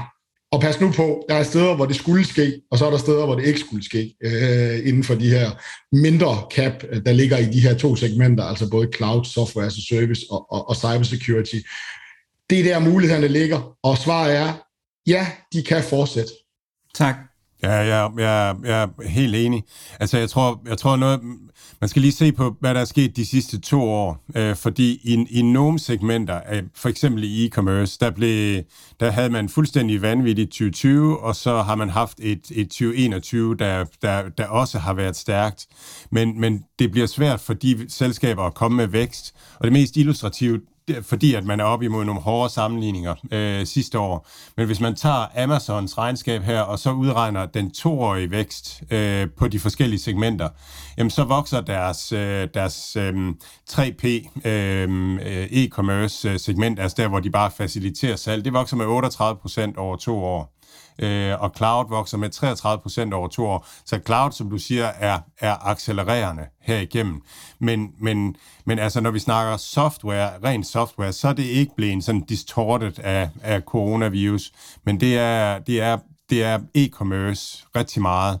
Så, så det tror jeg, man skal, man skal se igennem, og jeg tror, at Altså, jeg, jeg tror, det er derfor, markedet, markedet er simpelthen for kortsigtet, når det ser på e-commerce lige nu, fordi at den vækst, den, det, er, det er noget, der bare fortsætter øh, e-commerce derudad, mens at, at cloud er mere tydeligt, at, at det, det, det tøffer bare afsted. Men så spørgsmålet til, om, om vi kan fortsætte med at se 30% vækstrater på, på fangeaktierne det, der, der er jo diskussion derude og sådan noget. Jeg tror bare, jeg er enig med dig, Michael, i, at jeg tror, man bliver, man bliver overrasket øh, positivt, øh, om ikke andet så lige før de der øh, cloud der, de næsten i sig selv kan, kan trække rigtig meget af det. Og, og det er derfor, altså Netflix er jo en forretning, som er, er sværere at forekaste på. Det synes jeg også Apple er, og det synes jeg også øh, Facebook og Meta er. Og det er derfor, at du ved, når jeg nævner 1, 2, 3, så er jeg nede i dem, jeg er ret sikker på. Du ved, at, at, at low er higher for longer, altså den der case, hvor folk er begyndt at pille den ned, ah, det kan ikke være. Det er her, de tager fejl, og det er derfor, jeg godt vil investere ind i den endnu mere nede i nogle af de mindre og mellemstore software as service virksomheder, som jo er infrastrukturen bag de her store infrastrukturspillere. Den er helt sikker. De kan være lidt mere svingende. Der er nogen, der har været coronavenner, og nogen, der ikke har været. Nogen, der skulle ned på grund af, at de var coronavenner, og vi har fået dem alt for højt op i vækstrater, og en prissætning på 70 gange ARA eller 70 gange omsætning. No way. Men nu er der altså mange spillere, der begynder at ligge på 7, 8, 9 gange omsætningen dernede. Ikke? Der er nogen, der begynder at have PE-multipler i, i, i den her verden hernede. Ikke? Mm. Og dem tror jeg bare, vi vil se en accelererende vækst også for, hvor folk de fuldstændig har, har taget fejl dernede. Så det ligger meget større afkast, men også med meget større risiko, fordi du, de er sværere at udpege dernede end, end de store. Så det er sådan lidt, jeg tænker. Og så cybersecurity. Der er selvfølgelig også vinder og tabere imellem de her ting, men som en, et tema, der, der tror jeg allerede, vi har fået det første regnskab fra Fortinet, der fortæller os, at når de kommende cybersecurity-aktier kommer, så ligger du også et sted, hvor der er accelererende vækst. Og e-commerce, for at slå den af, yes, det er mere problematisk. Og hvad sker der i år med, med, med det her? Men, men vi har jo fået den der wrecking ball, der har fortalt os, hvordan den her verden kommer til, og på den lange bane. Så de vender også tilbage. De er bare lidt mere, de er, Ja, altså du ved, det er også et fint sted at, at, at, at lægge de knap så stabile aktier, som det vi snakker om der, altså troen på, på de høje vækstrater, øh, for de er jo lidt mere cykliske i det, øh, og vi skal jo til at kigge ind i en verden, hvor, hvor væksten måske ikke bliver så høj på vores forbrug, hvor vi skal mere over at kigge på investeringer, perfekt verden til cloud, fordi cloud, det er jo ikke, øh, det folk tænker, ah, det er, mig, er det mig, der bruger det? Ej, det er primært jo CAPEX-investeringer, software-investeringer i virksomhederne, som er meget mere stabile ind igennem et, et, et cyklisk øh, nedtur. Og det er derfor, jeg vender tilbage. Jeg tror på den korte bane er det her, jeg er bedst kan lide, men e-commerce også et fint sted at ligge på den lange bane. Øh, Michael, er der, øh, har vi en, en ETF eller noget inden for, for det her space, som, som du lige har på, øh, her på hånden? Jamen altså, du, du, du har log og US Spy i, i cybersecurity, så har du en, der hedder Clue, øh, som er cloud, så har du en, der hedder Soft, hvis man har de rigtige systemer, SOFT, det er rent software as a service virksomheder. Så der er så Soft, CLOU, øh, så har vi LOC, LOCK, øh, det er cybersecurity eller USPY, der er ikke de store forskelle der. Så det er, det er fire ETF'er, som, som spiller ind som i stedet for at prøve at være helt bare teknologi, som mange af de sådan lidt store kendte, du kan sige, ETF'er er, så prøver de lige at gå, altså du får meget af de store, sådan er det i ETF'er, ikke? Men, men jo specielt den der soft og den der CLO Cloud, eller Clue, jeg ved ikke, hvad jeg skal, hvad jeg skal kalde der, der tager den lige lidt mere ind på det der. Altså, du ved, øh, bliver lige lidt mere fokuseret på de der software, altså service i soft og, og CLO. Så det er muligheder, hvis man vil prøve at købe det her bredt som ETF'er. Godt. Boys, vi, vi har lige øh, tre øh, lidt mindre selskaber, i hvert fald i forhold til dem, vi har talt om her. Øh, Unity, PayPal og Snap, som jeg synes kunne være øh, fint lige. Mads, vil du lige tage, øh, vil du lige tage Unity øh, hurtigt? Den ved jeg, du har meget styr på. Øh, jeg hørte deres earnings call øh, i går, og det, det var bare, altså, det var bare så, så fedt at høre på. De bygger, øh, de bygger jo infrastruktur for, for spil, men også for 3D-simulering for virksomheder og, og sådan noget. Og, og der use casene for det bliver bare øh, mere og mere, øh, og de, de virker ligesom om, de er blevet gorillaen inden for det her. Det er, det er dem, folk bruger. Jeg tror, den handler til en price sales på, på 20 og vokser 44 procent øh, year over year. Og jeg tror, det er sådan en om 10 år, så er den vokset 30 procent om året i, i gennemsnit igennem, igennem hele den der periode. Så, så jeg synes, jeg synes, det virker interessant, og de samler rigtig mange data også på, øh, på, på, øh, på spillene. Hvornår spiller folk, hvornår er de på, og sådan nogle ting, og det betyder meget for, for værdien af reklamer. Så de, øh, de har en masse proprietært og, og er ligesom infrastruktur i, i det der. Hvad tænker du, Michael? Nå, men øh, det, nej, men det er dig, der er ekspert på den her masse. Jeg har lige det her spørgsmål. Jeg ser jo den her konsolidering inden for spilverdenen, Microsoft og, og det der, der skal ske på grund af metaverset. Kan der være et eller andet der? Øh, jamen, jamen helt klart. Altså, øh, øh, Unity er jo en spilmotor, øh, og, og, og de andre spilmotorer, der er derude, det er jo Epic Games, som, øh, som har en spilmotor, Øh, og så er, det, øh, så er det for eksempel Activision Blizzard, de har også øh, deres øh, spilmotor til deres spil. Øh, Øh, det har de store øh, spilvirksomheder. Øh, så, så man kan sagtens øh, forestille sig, at det også er noget af det, som Microsoft øh, gerne har ville købe for os. Altså for ikke at være låst ude øh, og, og være afhængig af for eksempel Unity til deres øh, metaverse øh, øh, ting. Ja. Så, så det var mere sådan, at, at, at det, var bare lige, det var bare lige for at spørge, at, at det var bare mm. den første, der lige falder på mig, fordi jeg kan sagtens forstå det her med Unity, og, og det her, de bliver infrastrukturen, hvis det lykkes, men det er mere det der skifte, der sker, ikke, hvor Facebook jo vil, hvis de kunne, vil købe samtlige andre spilselskaber, der byde i dag, vel? altså du ved, men det må de bare ikke. Og det er det, jeg mener, hvis der sker sådan en eller anden konsolidering, at de så kommer ind i nogle store maskiner, der virkelig siger, okay, det er infrastrukturen, jeg forstår det nu, og der må jeg gerne bruge lige så mange milliarder, ikke? så kan Unity blive presset. Det er den eneste tanke, jeg lige har haft på dem. Så der, det, det er sådan lige min, du ved, casen, jeg tænker, farlig. Jeg er fuldstændig enig. Altså, fordi det er igen det der med, kan du, kan du sige, at den er der om 10 år, og at den er vindende om 10 år, at det ikke er blevet Microsoft, der alligevel øh, lige, lige brugt rigtig mange milliarder på det, så er jeg helt enig. Ja. Så, så, så, så, yes. Nå, vi hopper videre, fordi vi, vi, der sejler med tiden. øh, PayPal, Det var jo, øh, ja, det var jo lige så miserabelt som, øh, som Facebook. Skuffende regnskab, næsten 25 procent nede. Det var det her handelsvolumen, som ikke var helt, som, øh, som analytikerne havde regnet med, og de selv ud at sige, at de havde en, en langsom end ventet afslutning på året. Øhm, og efterfølgende så røg ja, kursmåler anbefalinger også ned for aktien. Øh, hvad har I set i den? Jamen, der ser jeg vel måske, at det virkelig er midlertidige problemer. Ikke? Altså den her infrastruktur. Ikke? Vi kan diskutere NFT og så videre på den lange bane, om, det, om de kommer med der på wallets, eller det bliver det der one-app der. Altså, men, men det kunne det godt blive som et selskab. Og så var det jo den her disconnection fra eBay, altså den her kæmpe forretning her. Og så er det jo klart, at, at når vi snakker om e-commerce og, og digitale betalinger, så har der jo været en, en, en alt, altså du, der, de har jo haft en covid-19-effekt, og nu bliver man fanget midt i det, i forhold til andre problemer. Ikke? Og så, så, så, så du ved, jeg tror, det er relativt midlertidigt i PayPal. Ikke, at der ikke er nogen udfordringer på den lange bane, vi er lidt mere usikre på. Så det er sådan min tanke på PayPal, at, at den har jeg længe kigget lidt på og synes, ah, at der er ikke for meget corona-vinder i den, til den her prissætning. Ikke? Men nu tror jeg, at der er jo en lille bitte smule mere op for, at man kan tage bettet jeg, jeg følger ikke PayPal så meget, men, men, øh, men, men Apple Pay, de gør det lidt svært for de her wallets øh, derovre, og, øh, og der var Altså, der var en, der viste, hvor, hvor hvis man vil tjekke ud via PayPal i en forretning, hvor mange gange man skal logge ind og opte ind og ud og alt sådan noget, ikke også? Og, og man kunne også bare vælge Apple Pay, og så er det gjort på, på, øh, på, på 5 sekunder. Og, og det er et spørgsmål, om Apple får lov til at, at, at være så dominerende over for de her, men, men hvad, hvad tænker du om det? Ser du en risiko der, eller hvordan tænker du om det?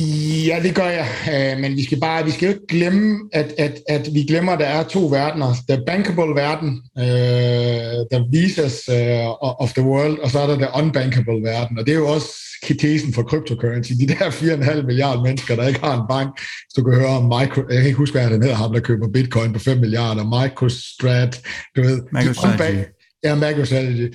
De unbankable, altså dem, der ikke har en bank i verden, Altså, og, og der er ikke så stor indtjening på dem, det er jeg med på, som der er på de amerikanske forbrugere, men det er nok der, jeg ser, du ved, du kan sige uh, PayPal, så rimelig forretning, så, så det er ikke en, der, du ved, jeg har kigget på den, og, og længe ikke vil have den, fordi det var en coronavenner. Nu begynder jeg måske at kigge på den, og skal lige forstå lidt mere ind i den nuts and bolts, øh, og om de har de rigtige ting. Vi har, vi har jo øh, masser, jeg har talt om den her, og Mads, øh, du er mere til, til Square, som jo er øh, ja, konkurrenten eller øh, storebroren. Øh, jeg ved ikke lige helt, hvad for en af de to, der er størst. Men den falder jo så også lidt sammen, med, sammen med PayPal, fordi at forventningerne også går ned. Er det øh, bedst bare i øjeblikket, Square, Mads? Det, det, jeg godt kan lide ved Square, det er, at de, de gør en hel masse øh, inde ved, ved point of sales. Altså, de arbejder sammen med restauranter og, og gør tingene nemmere, de innoverer, og, og de har en, de har sådan, de har en, øh, de har en, en god markedsplads, hvor de, øh, hvor de gør noget for, for sælgerne, som udvikler på deres platform, udvikler produkter, og så har de wallets, som er for forbrugerne, hvor de også selv udvikler, og, og så skaber de sådan et, et netværk ud af, af de to brugergrupper. Og jeg synes, de virker innovative og virker, som om de er, de er på vej frem. Jeg ved ikke, har du nogle tanker om, om de to virksomheder, Michael?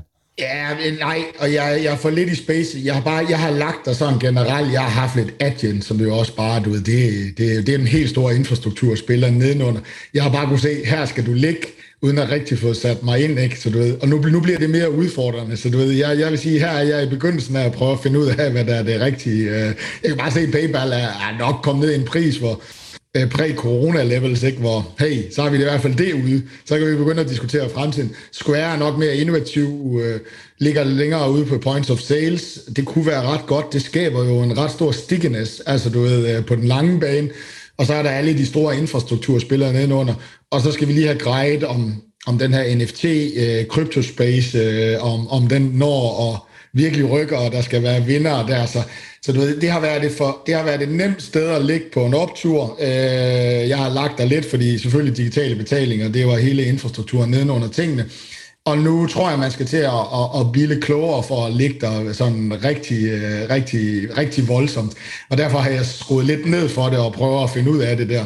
Jeg er bare glad for, at de kom ned for de her corona-vinder-levels, fordi det er det, jeg tænkte, ligesom på, også lidt på Facebook. Altså, de kan for helvede ikke bruge lige så meget tid. Altså helt banalt, helt simpelt. Vi skal jo til at bruge vores tid lidt anderledes øh, i, i, i de kommende år. Ikke? Øh, og der har man i det mindste fået prissætningslevels tilbage igen. Ikke? Cool. Inden vi lige zoomer helt ud og ser lidt øh, fremad, så lad os lige hurtigt 30 sekunder snap. De øh, falder jo sammen med, med Facebook, som vi har nævnt, helt øh, 23 procent, rædeligt, rædeligt, og så stiger de så 60 procent, fordi det ikke var øh, helt lige så slemt, som, øh, som præsten havde prædiket. Øh, hvem er jeg vil starte? Øh, lad os, kære gæst, Michael, du får lov at lægge ud.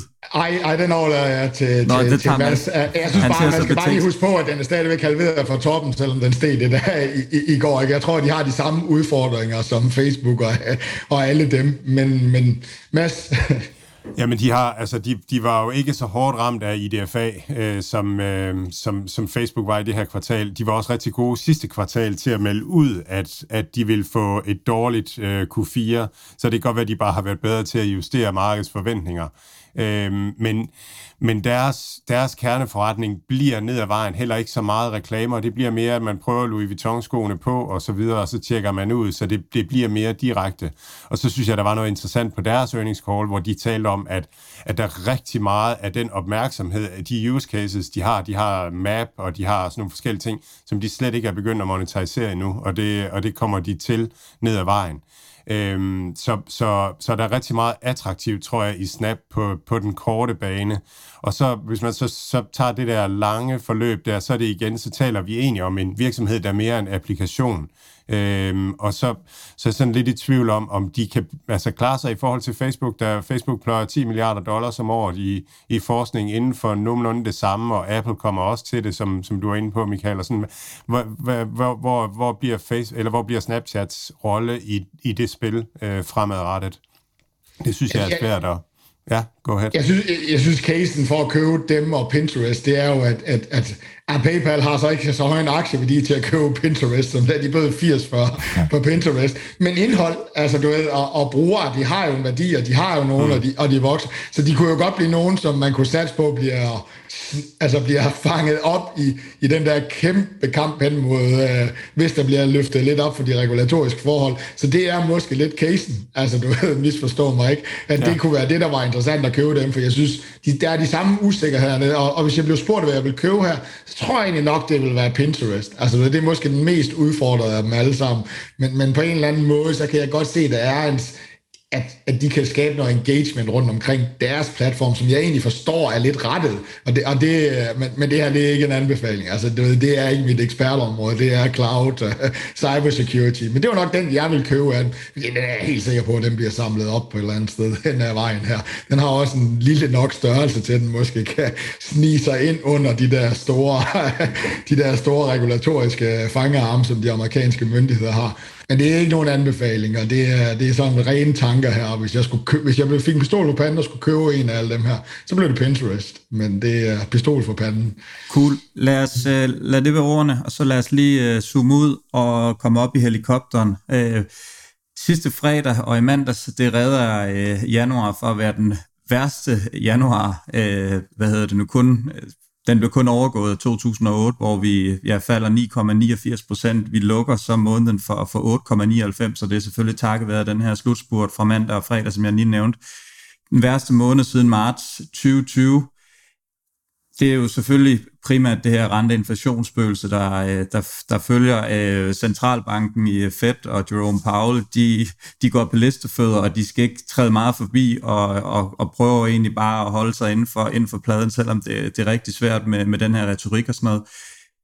Renter inflation, Michael, øh, hvor, hvor meget priset ind nu i, i, de her, øh, i de her aktier, som ja, blandt andet vi har talt om i dag? Øh, ikke nok i, i det negative scenarie. Jeg kan ikke tro, at vi har fået priset det ind, det negative scenarie. Øh, altså meget, meget højere renter. Det er det bare ikke. Altså, du ved, det er jo specielt. Large cap tech øh, er jeg ikke så bange for, fordi hvis man går tilbage i historien, så er de ikke særlig rentefølsomme. Altså, du ved, det er pricing power har de, og de har vækstmotorerne uanset det her. Så, så det er ikke fuldt priset ind i, i, i de mindre, øh, som er blevet rigtig meget skåret over. Øh, nu tror jeg jo, at, at jeg har jo en tese, som lige nu får ingen, altså den får ingen luft. Altså du ved, den her jobrapport, vi fik øh, i, i, i går, inflationstallene kommer. Der er ingen, der får luft til, at det her det er trods alt en lille bitte smule midlertidigt, at det er de samme ting, vi skal se ind over de næste fem år, når vi kommer igennem, og at vi begynder at lave flytte vores forbrug lidt mere normaliseret efter covid-19. Den case får ingen luft, men jeg tror, når vi rammer foråret, så tror jeg, at vi vil se, at de der, der nu begynder at kalde 7 og 9 rentestigninger, ah okay, det var, da, det var et godt forsøg, øh, du ved, man bliver berømt på det, hvis det lykkes, altså, du ved, så tror jeg, det normaliserer sig, men i de første tre måneder her får vi ingen luft til den her case. Så det er ikke priset ind i, i, i, i, i tech som sådan, at, at, at, at renterne skal voldsomt op af i nogle af de her mest negative scenarier. Så det kan man ikke, du ved, ikke ud og sige. Jeg tror så ikke på de mest negative scenarier. Jeg ligger lidt til, at der kommer til at skifte i foråret på, på inflationssiden, som begynder at, at, at, at bøje af. Øh, ja, vi skal have nogle rentestigninger. Et par stykker af dem, en rente 2,5 i i, i, i 10-årige amerikanske renter, hvor inflationen cirka det, der, du har stadigvæk negativ yield, så skal de nok køre nogle af de her ting, vi har snakket om. Men meget over det er ikke priset ind. Øh, jeg tror heller ikke på det scenarie, men, men det er en tro lige nu, og jeg får ingen luft her i foråret. Altså, hvis, hvis ja, jeg men, tror, at de... Men, det, gør, det gør du alligevel, Det, det, jeg, jeg synes, jeg hører den der øh, snak. Øh, jeg hørte et interview med Gavin Baker øh, fra, fra USA, og næste uge har vi øh, Andreas Steno Larsen med os, som, som har lidt de samme øh, tanker, øh, som du har. Så kunne du ikke prøve at, at folde det lidt ud? Hvad, hvor, hvad er det, du tror, der, der kommer til at give et andet scenarie, end det, som end det, som man ligesom har, har, er enige om, øh, bliver, det, bliver det scenarie, der kommer til at udspille sig. Inflationen jeg, jeg tror, og renterne. Ja. Jamen altså, renten er jo altså, renten er bare en inflation. Det er jo inflationen, hvor jeg tror, tingene bøjer af. Altså, du ved, vi begynder at se, vi begynder at ramme basiseffekterne og så begynder, og så tror jeg ikke, vi får løninflation, fordi jeg tror jo, at, at, at efter den her omikronbølge, der, der, der, der er det ikke the great resignation i det amerikanske jobmarked. Der er det dem, der har mistet alle deres penge på Wall Street bets øh, via at købe optioner out of the money, og de er ved at være tomme. De skal ud og arbejde. Øh, når, når der skabes tryghed omkring arbejdspladsen, så ser vi igen, at, at, at det her det her arbejdsmarked, som virker så, så, så, så, så, så problematisk, ikke? at det vil udfolde sig. Så basiseffekterne af det her, og, og, og så tror jeg jo sådan set også, at, at, at vi kommer til at opleve, hvad vi, lige så vel som vi ikke rigtig kunne forestille os, øh, du ved, øh, hvad der skete, da, da, vi, da vi gik ind i covid-19-bølgen. Jeg tror heller ikke helt endnu, vi kan se, hvor hurtigt vi kan flytte os væk fra det forbrug, vi egentlig har haft på varer og tjenesteydelser, eller hvor for mod varer og tjenesteydelser. Det tror jeg også, vi kommer til at se i anden halvår, så allerede vi kan se det her hjemme i Danmark, ikke? Ferierejsen i sommer er, er allerede udsolgt. Så du ved, det kombineret med, at Fed jo sådan set ikke kan løse den her inflation ved at hæve renterne. De, de skal næsten kun ud og hæve renterne for at være klar til den næste recession. Forklaring, for de kan ikke løse det her inflationære problem. De kan sørge for at være sindssygt hawkish lige nu, for at pille du ved, dem, at det ikke skal stikke af. Og så er det sidste punkt, den her gældsætning, den er simpelthen blevet så stor. Og sidste gang, de prøvede at pille noget likviditet ud af markedet, der gik det galt. Altså, der, der gik det galt der, hvor det ikke må gå galt, nede i rørene, nede i bankerne. Vi har simpelthen vendt os til det. Så du ved, det var i 2019, det var ikke 2018. Så der er mange ting, der taler for, at Fed lige nu skal være hårde. Dataene de kommende måneder frem mod det første Fed-møde, det bliver kun én vej, og det er støtte til den negative side af rentesiden. Og derfra tror jeg så, at det skifter. Og det kan ikke lade sig gøre det her, og vi kigger fedt så fem år frem, hvorfor er det, at verden skal være anderledes de næste fem år, end den har været tidligere? Lav inflation, relativt lav vækst, øh, det kan jeg simpelthen ikke se. Så det er det, der er min case for, at der sker det her skifte. Jeg kalder foråret, fordi det beder I mig jo om. Øh, bare, vi ved, hvor meget fejl man kan tage på et tidsperspektiv. Jeg troede jo, det her pengepolitik, det skulle vi diskutere sidste sommer. Det blev januar. men, men, men det er sådan set min case, og det er helt op i helikopter kom nu, når vi har været igennem 2022, hvad er det, der skal skabe høj vækst, og dermed høj inflation? Hvad er det? Er, bliver vi stadigvæk ældre? Ja, det gør vi. Skal vi stadigvæk have sindssygt mange penge sparet op i, i defensiv, øh, øh, fordi vi bliver ældre og går på pension? Ja, der er ikke et ændret billede, og de samme ting, som kørte før corona, kommer også til at køre efter corona, med en lille større, med en lille inflationær pres på den grønne omstilling det er mine tanker omkring tingene, hvornår det lige udfolder sig. Men du ved, jeg, jeg bryder mig ikke rigtig om at prøve at time markedet, du ved, så jeg har allerede placeret mig til den uh, verden der.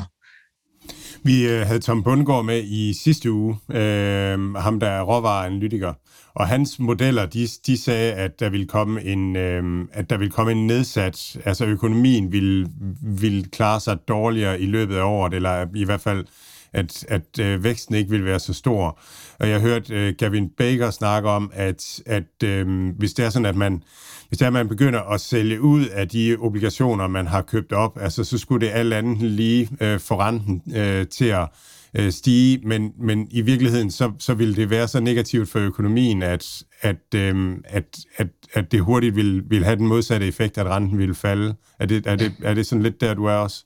Ja, lidt, du ved. Men ingen luft til den her tese før om to måneder. Kunne, kunne, vi, kunne, vi, kunne, vi, kunne vi forestille os et scenarie, hvor centralbanken her, nu der er priset en rentestigning i, i marts ind, kunne vi forestille os et scenarie, at de går ud og siger, at den, øh, den sparker vi til hjørne, og så, ej, og så tager vi et, øh, et, et, et bullrally igen? Nej, og vi får også en juli. Det er jo mere den der med, at du ved, der, er jo, der er jo finanshus nu, der siger, alle syv møder i år, rentestigning. altså, du ved, det er den der overbevisning der. Og jeg forstår godt, hvorfor økonomerne tænker sådan. Altså, du ved. Men ja, der skal være plads til at gøre det, og det tror jeg ikke, der er. Og jeg er egentlig også mere bekymret, ikke så meget for rentestigningerne, ikke? Øh, men mere for, når de, når de trækker deres obligationsopkøb tilbage, altså den her tanke om, at at begynde ikke at, at, at genkøbe nogle af dem her og trække likviditet ud af systemet. Det tror jeg simpelthen ikke kan lade sig gøre for dem. Men altså, vi er på en, vi har, været, vi har haft nemmere år at lave vores kald på vores strateger. Altså, du ved, det er en knivsæk. altså, du ved, det er, det er en knivsæk i år. Det er det altså, fordi kan fedt få lov til at gøre det her, og går det ikke så galt, jamen så gør de det jo nok, fordi de vil forberede sig til den næste recession, som nogen, du ved, der kigger på de lange, kan kigge ud i 24, 25, hvis de kigger på, på forskellige ting og så videre, ikke? Men, men jeg tror ikke, de får lov til det. Og, og derfor vender vi jo lidt tilbage til, at, at alle, nu siger de, nu bliver det en 10 år med value på grund af det her, og, og I don't believe, øh, altså jeg gider ikke det der value-vækst, og du ved, du kan også finde vækst af value og så videre, men, men, men den der, jeg, jeg, jeg kan simpelthen ikke se, at når vi er igennem 2022, at verden er uforandret for, hvad det var, der voksede os de sidste 10-15 år, og de store, kæmpe demografiske faktorer, der gør, at det er derfor, det ser sådan ud, og hvad du så dermed skal ligge i. Men hvornår det lige vender i år, den her tanke om, omkring det her, og det bliver helt sikkert ikke de kommende måneder. Brace yourself for, for store udsving i aktiemarkedet. Som, som med, med I to vil også lige uh, sidde lidt på pengene, hvis man, hvis man har lidt, uh, hvis man har fået julegaven ind nu her, uh, og, og, og lige tage dem ro, eller hvad? Ja, øh, og så bare velvidende, at, at, at, at hvor ringe vi er til at lave sådan nogle kald. Men ja, hvis jeg selv skulle gøre det, altså du ved, øh, ja, det fortæller mig, vi skal frem til det her fedtmøde.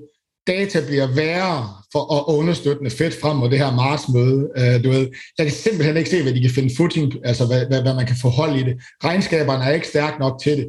Der, der vil være den her diskussion, som har præget det første halvår her, vil være der stadigvæk. Så det er jo nok især altså ikke at du ikke kan putte det i, hvis du er, hvis du, hvis du er uenig med mig og Mads om, hvad det er, man skal investere i, så kan du nok godt putte pengene i, altså fordi så putter du det i noget andet, end det skifte, vi venter på, på et eller andet tidspunkt i 2022. Og hvis det er der, du gerne vil hen, så kan jeg simpelthen ikke se, at jeg, jeg er bange for, at vi får ikke noget ved lige fra, fra nogle af de aktier, vi har, der, du ved, der falder 15% en dag og stiger 15 næste, og så falder 15. Altså, du ved, det er desværre trenden lige nu. Men, men det, det, det, det, det kan jeg ikke se, at der kommer noget ved lige på. Og der kan man nok godt sidde lidt opportunistisk og vente. Mads, hvad siger du? Jamen, altså, jeg, jeg tror bare på det der med time in the market beats uh, timing the market, så, så jeg, jeg er fuldt inde. Og det, det er, jeg tror, øh, lytterne vil, vil være meget interesseret i, i dig, Michael, og mit indtryk er også, at, at du egentlig sådan bare har dine positioner sådan på lang sigt. De, time in the market time in the market beats everything. Du ved, men jeg, du ved, vi bliver spurgt her, så lad mig, ja. så, så, så, pistolen for panden, så er det det, jeg vil gøre, du ved, hvis jeg, hvis ja. jeg ikke havde den der. Så, så kan jeg, jeg kan simpelthen ikke se, hvad det er, der skal fjerne den her tese, altså noget af det samme markedsuro, vi har haft frem mod marts med de her data. Så du ved, det er det, man, jeg tror, man kommer til at opleve. Men time in the market beats everything. Altså du ved, det har alle, jeg, jeg har det jo sådan lidt, at, at, at forståelsen af data og, og data bagved, hvad det er, der er i aktiemarkedet, det er det, du kan købe. Alt andet, det er holdninger. Altså du ved, uh, history doesn't repeat itself, it rhymes. Altså de her data med, uh, du ved, forståelsen af, hvad er de her volatilitet og vækstforventninger, og hvor er det, hvad er det, hvor, hvor voldsomt det kan være, forståelsen af det her, du ved, uh, forståelsen af, at, at, at, at, at hvordan et aktiemarked reagerer, men historisk, hvad, hvad, hvad du har haft af det. Og data er jo ganske, ganske, ganske klokke klar. Timing the market beats timing. Altså, du ved, det, men, men prøv at forklare en ny aktiemarked, der smider alt ind i, i, i december. Ikke? Den, den tese. Ikke? Altså, du ved, men, men data, i stedet for at vi sidder og har alle de her holdninger, data, hvad viser, hvad accelererer i vækst? Du ved, hvis, det, hvis man køber teknologi, fordi valuation, altså vækst catch up på valuation, så er du nok nødt til at ligge der, hvor vi er sikre på væksten. Ikke? Altså, du ved, og det er det, vi har snakket om i, i, i det her interview. Data, data, data frem for alle. Jeg tror det, og jeg tror det, og jeg har den holdning. Du ved, øh, måske kan de argumentere for den, men data bagud i tid, og det er jo det her med, når du har købt en korrektion, så vinder du 9 ud af 10 gange. Du taber den 10. gang, men du vinder 9 ud af 10 gange. Det er kraftigt, med der er noget af det bedste bet, du kan få på. nu sportbetter jeg ikke, men der er fandme ikke mange af de der bets, der, vel, der, der, der giver de her indikationer her. Ikke? Men sport hvad jeg tror, dataene kommer til at vise på den korte bane, det bliver ikke nemt. Mads, har du en, øh, en afsluttende kommentar? Nej, jeg synes, det har været helt vildt spændende og, og hyggeligt at, at referere frem og tilbage her. Så fantastisk, Michael, at, at du vil være med her. Det er Perfekt. kanon. Det, øh, ja, det var, det var en fornøjelse, Michael. En, en sjov uge med, med mange spændende regnskaber. En tirsdag, hvor jeg tror, jeg havde min bedste dag på aktiemarkedet nogensinde. 4,6 procent op x krypton som også, øh, som også steg lidt. Og så torsdagen, hvor vi skulle ned på øh, med, med 3,75, selvfølgelig trukket primært af Facebook. Så, øh, så det, det, det er god lige i øjeblikket, det må man sige. Desværre er det, er det pilen lidt ned i øjeblikket i sådan rent økonomisk. Men øh, ja, Tusind tak, og vi, øh, vi holder øje med, hvad der sker, og vi er naturligvis tilbage igen i næste weekend.